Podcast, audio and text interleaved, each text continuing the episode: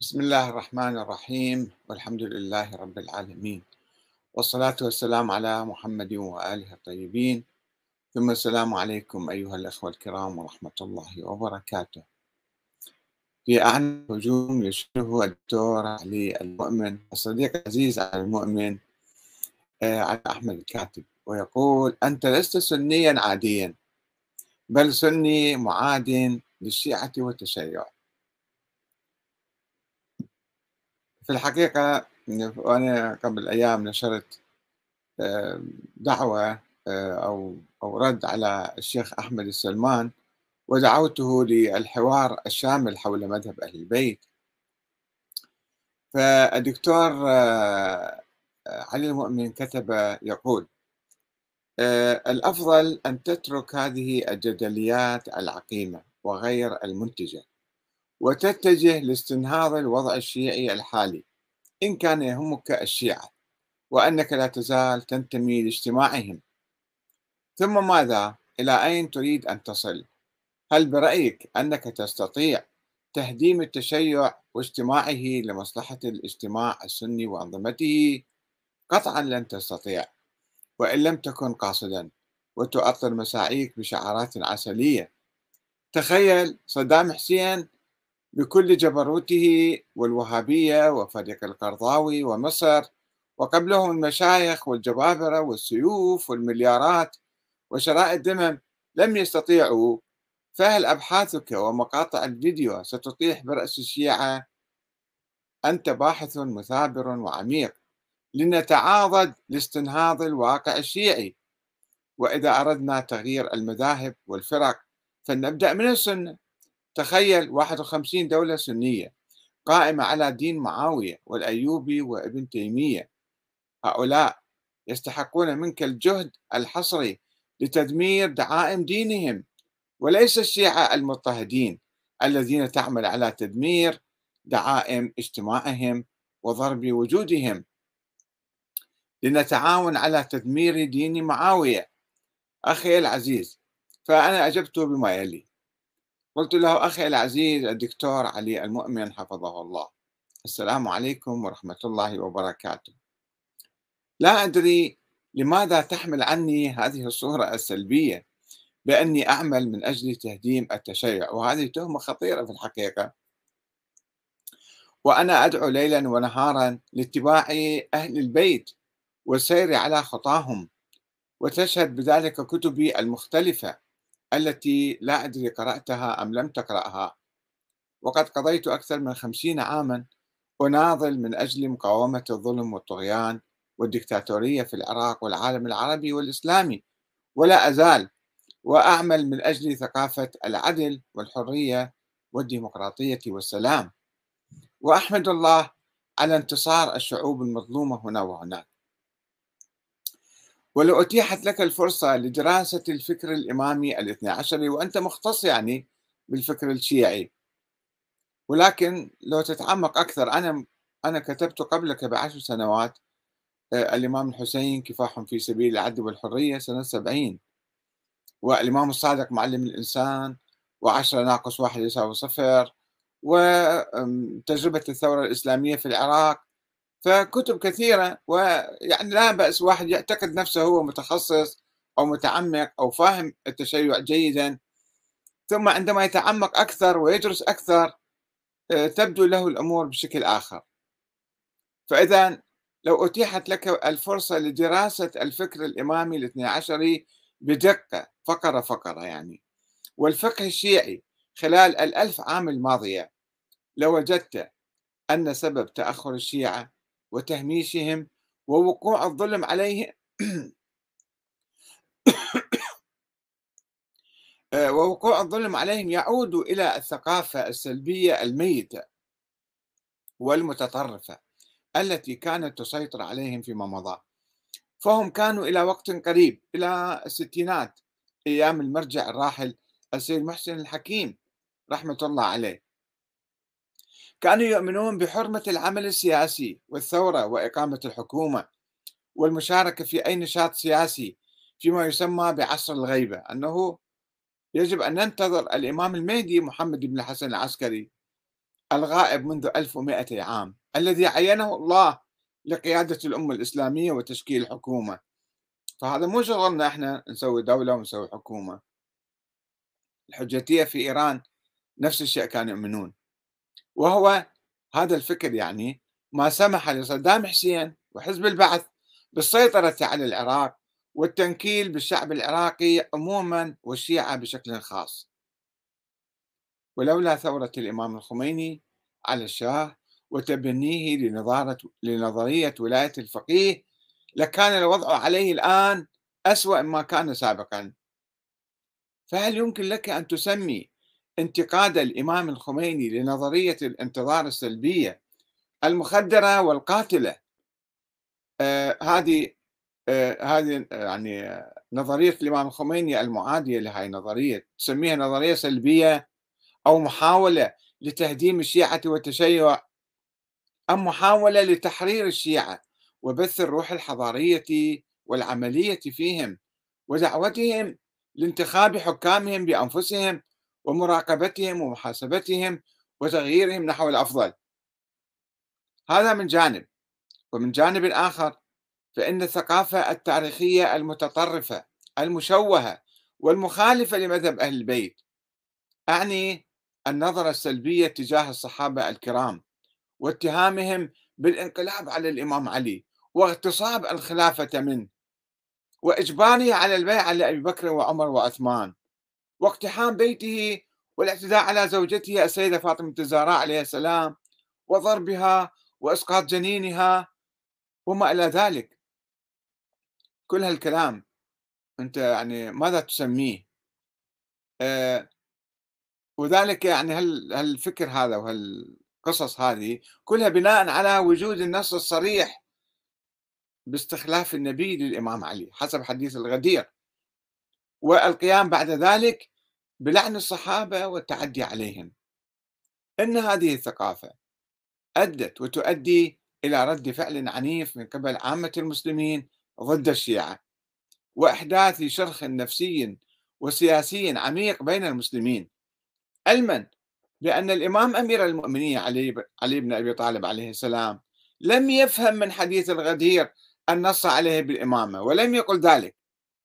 وأن مسألة الخلافة أساسا لم يتحدث عنها القرآن الكريم ولا النبي الأكرم لأنها مسألة تعود إلى المسلمين حسب الظروف الزمان والمكان. في كل زمان ومكان هم ينتخبون قائد لهم.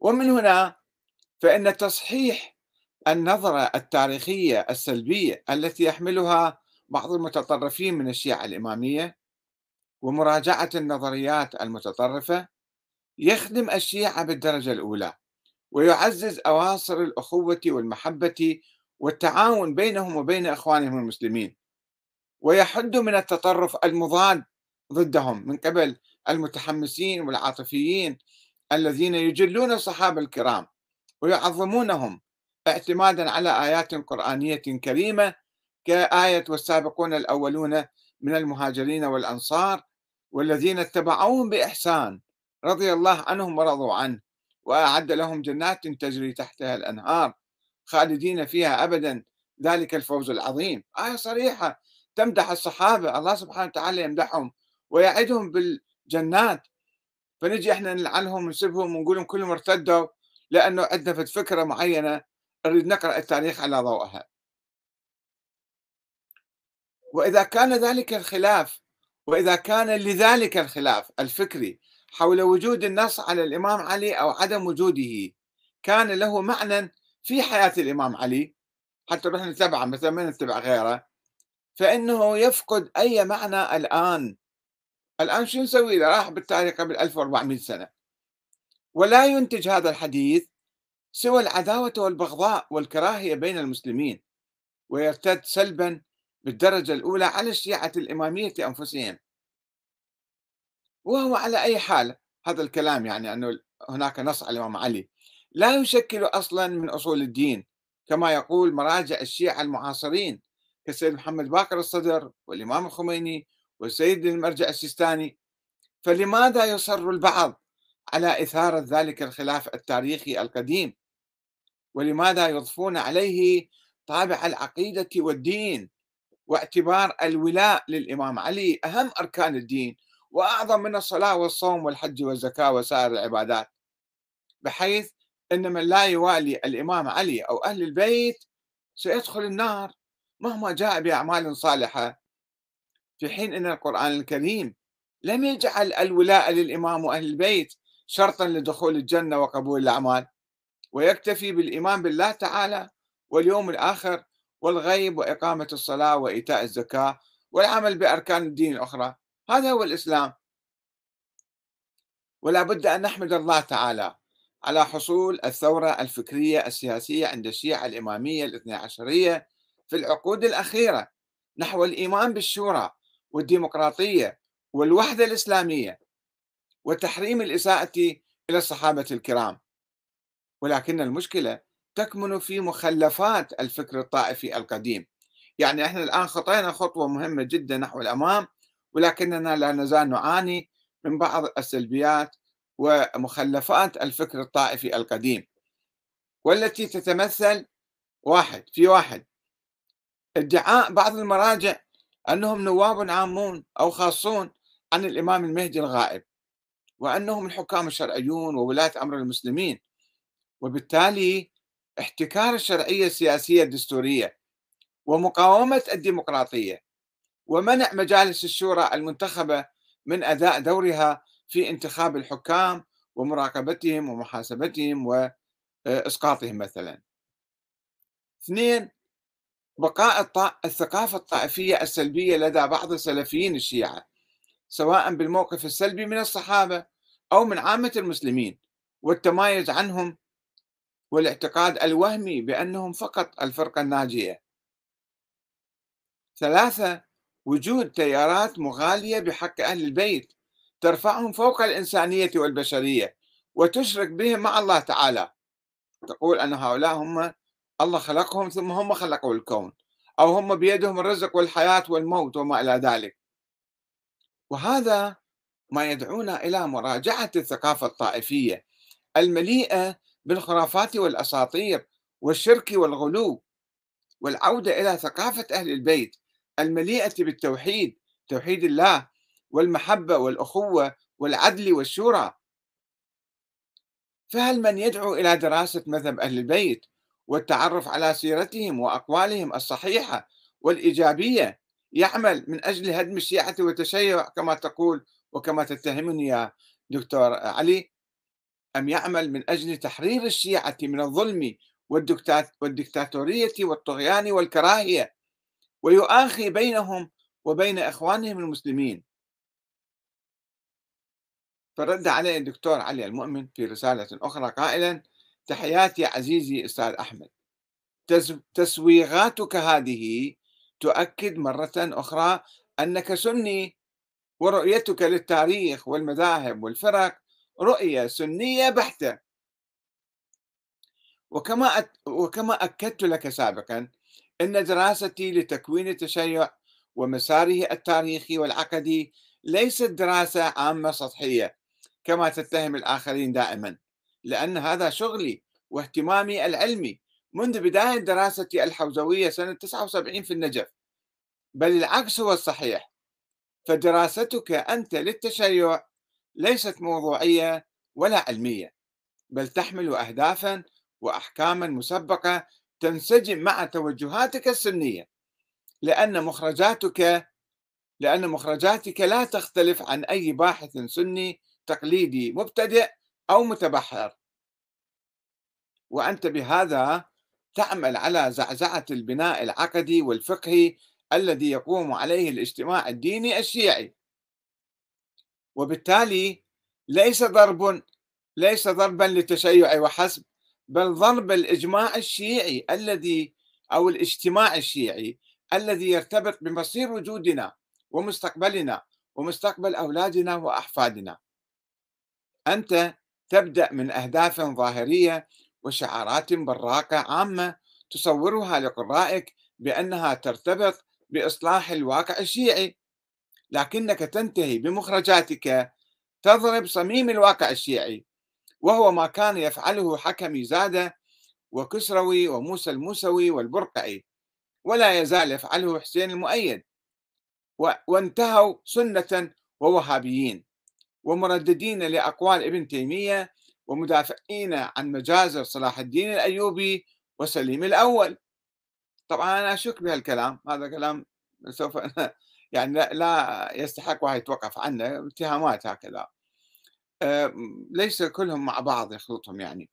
أنا يقول يواصل الدكتور علي المؤمن يقول أنا لا أحاسبك على النوايا ولا على مخرجاتك فمن حقك أن تتحول إلى التسنن أو المسيحية أو العلمانية وتدافع بقوة عن هذا التحول فأنت حر وحسابك بينك وبين ربك ولكن لا تقل إن هذا التحول هو لمصلحة الشيعة وواقعهم. فهذا القول تزييف جوهري لحقيقة ما تقوم به. مرة أخرى أقترح عليك دكتور علي المؤمن يقترح على أحمد الكاتب. يقول أقترح عليك أن نتعاضد لاستنهاض الواقع الشيعي وإصلاح الواقع الإسلامي ونبدأ بالتاريخ السني والفرق والمذاهب السنية لأنها تمثل المذاهب الحاكمة في 51 دولة سنية ظالمة ومتخلفة. أي أنها فرق ومذاهب تتحكم بقوة بالواقع الإسلامي بكل انحرافاته وقواعده الظالمة والطائفية والتمييزية. وندعو علماء ومشايخ هذه المذاهب لإصلاح هذا التاريخ والمسار الذي أسس له معاوية وصولا إلى الواقع. وإذا استنفدنا جهودنا في إصلاح الأكثرية المسلمة المتحكمة نتحول إلى إصلاح مسارات الأقلية العددية المضطهدة المحكومة.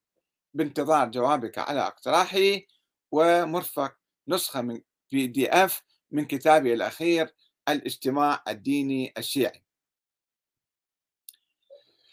فأجبته بما يلي. قلت له أخي العزيز أنا لا أحب استخدام أسلوبك في الحوار آه، بإمكاني توجيه شتى التهم لك ولا أقول إلا حقا ولكن أربأ بنفسي أن أخاطبك بهذه الطريقة. مع احترامي لك. وقد نشرت رسالتك السابقة بدون اسمك. فإذا تحب أنشر الرسالة الأخيرة باسمك أو بدون اسمك. وأرجو منك أن تقدم مشروعك للتعاون والعمل المشترك علما بأني أعتقد بوجود أخطاء لدى السنة وخصوصا في المجال السياسي. ولكن أخطاءهم لا تقارن بما لدى الإمامية من خرافات وأساطير وبدع وشرك وغلو وفساد سياسي وفكر ديكتاتوري وهم أحوج للإصلاح من غيرهم. فرد عليه الدكتور علي المؤمن يقول أخي أستاذ أحمد الإحساس بالتفوق هو داء شيطاني واستخدام ألفاظ معيبة لا يليق بمعيار الاحترام في الحوار وسبق أن سجلت عليك هذه الملاحظة عندما استمعت إلى مقطع فيديو تعلق فيه على مقال لي وأنت تستخدم أسلوب الاستخفاف والسخرية. وقد شطبت ذلك الفيديو أنا واعتذرت من عنده بالحقيقة. يقول وهو أسلوب تستخدمه مع كل من يحرجك في معلومة أو حقيقة أو تحليل. أرجو أن تبتعد عن هذا الأسلوب الذي يزعزع هذا المعيار لكي نستمر في الحوار ونصل إلى قاعدة جامعة. وأنا أستغرب حقيقة أن تعد وصفي لك بأنك سني هو اتهام لك. فكل أبحاثك ومخرجاتك وكلامك في رسائلنا المتبادلة تؤكد أنك سني ظاهرا وجوهرا. فهذا ليس اتهاما إنما توصيف. فلماذا يثيرك هذا التوصيف؟ وهو واقع وحق. وهذه رسالتك الأخيرة تؤكد أنك لست سنيا عاديا بل سني معادي للتشيع والشيعة. عندما تتهمهم أو تتهمهما بكل هذه الأباطيل حال حكم زادة وكسروي وحسين المؤيد. علما أنا عندي مئات الأصدقاء السنة ولا يشكل ذلك مشكلة في حسن العلاقة وطيبتها شرط الاحترام وتبادل المحبة. أما اقتراحي فهو أن نتعاون في دراسة دور معاوية وآل أمية في التأسيس للتسنن. والتأثيرات السلبية لهذا الدور على العلاقة بين الفريقين المسلمين الشيعي والسني. بهدف التخلص من هذه التأثيرات وبناء قاعدة قرآنية رصينة للتآلف والتآخي بين الشيعة والسنة. ولا مانع من نشر الرسائل باسمي واسمك بأمانة. فأجبته قائلا أخي العزيز دكتور علي أنا لا أنزعج من وصفي باتباع السنة النبوية. فالسنة جزء أساسي من الدين الإسلامي بالإضافة إلى القرآن الكريم وهي شارحة له. وأنت أيضا سني بهذا المعنى وجميع المسلمين سنة. الشيعة والسنة هم يتبعون سنة رسول الله.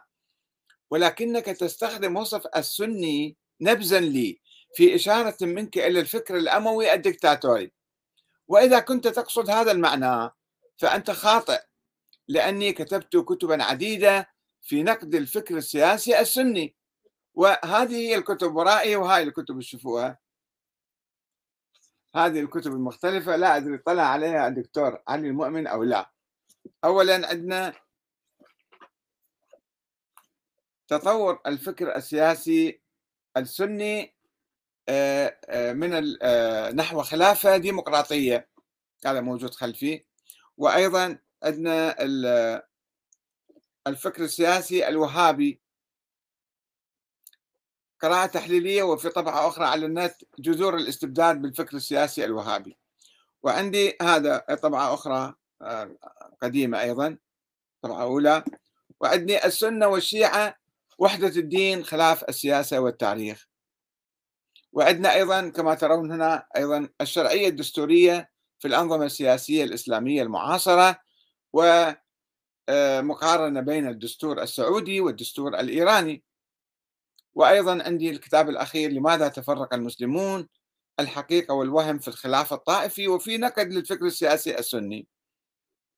وربما لم تطلع على هذه الكتب يا دكتور علي. وتعتقد أن من يرفض نظرية النص ويؤمن بنظرية الشورى هو سني ناصبي أموي تيمي وهابي. وهذا ليس صحيحا. لأن أهل البيت والشيعة الأوائل وغير الإمامية ولو تقرأ كتاب مثلا فرق الشيعة النوبختي يذكر بالتفصيل كيف كانوا يفكروا الشيعة الأوائل. كانوا ولا يزالون يؤمنون بالشورى ويرفضون حكاية النص على الإمام علي. فضلا عن النص على بقية الأئمة اللي أصلا ما موجود هذا النص. ولكنك كما يبدو تعتبر من يؤمن بنظرية الإمامة الاثنى عشرية أنه شيعي.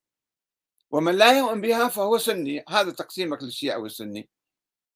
ولو قرأت التاريخ الشيعي ودرست أحاديث الأئمة بدقة أعمق وأكثر لوجدت أن الفرقة الإمامية ولدت في القرن الثاني الهجري وواجهت عقبات كأداء وتشعبت لأنه ما كان في نصوص على الأئمة في القرن الثاني. لذلك صاروا إسماعيلية وفطحية ومسوية وواقفية وناووسية وكذا. ثم وصلت إلى الطريق المسدود في أواسط القرن الثالث الهجري. يعني بعد 100 150 سنة هاي النظرية انهارت بوفاة الإمام الحسن العسكري دون خلف ودون أي حديث عن مصير الإمامة. مما أوقع شيعته في حيرة امتدت حوالي 100 عام قبل أن تولد الفرقة الاثنى عشرية بعد ذلك في القرن الرابع الهجري. وبناء على ذلك فلا معنى لأن يكون المسلم الإنسان المسلم اليوم شيعيا أو سنيا لعدم وجود الأئمة من أهل البيت لكي يواليهم ويتبعهم. ما عدا بعض المسائل الفقهية التي يختلف فيها حتى فقهاء الشيعة.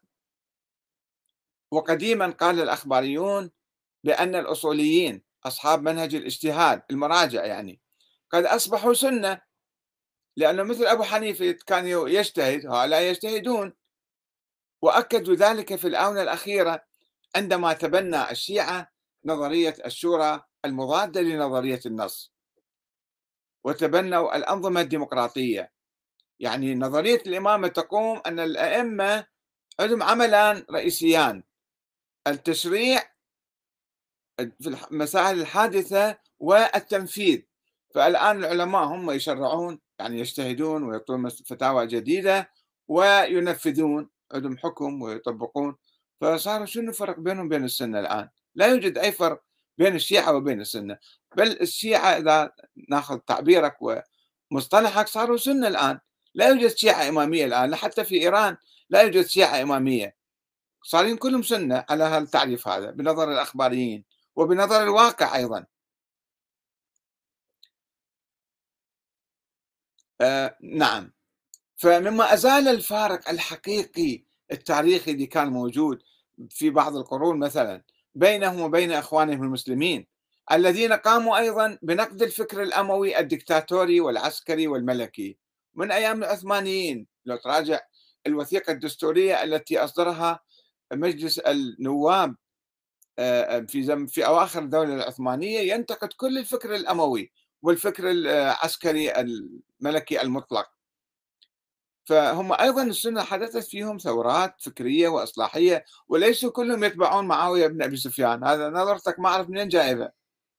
وآمنوا بنظرية الشورى التي كانوا يجمع عليها المسلمون الأوائل قبل تفرقهم إلى سنة وشيعة.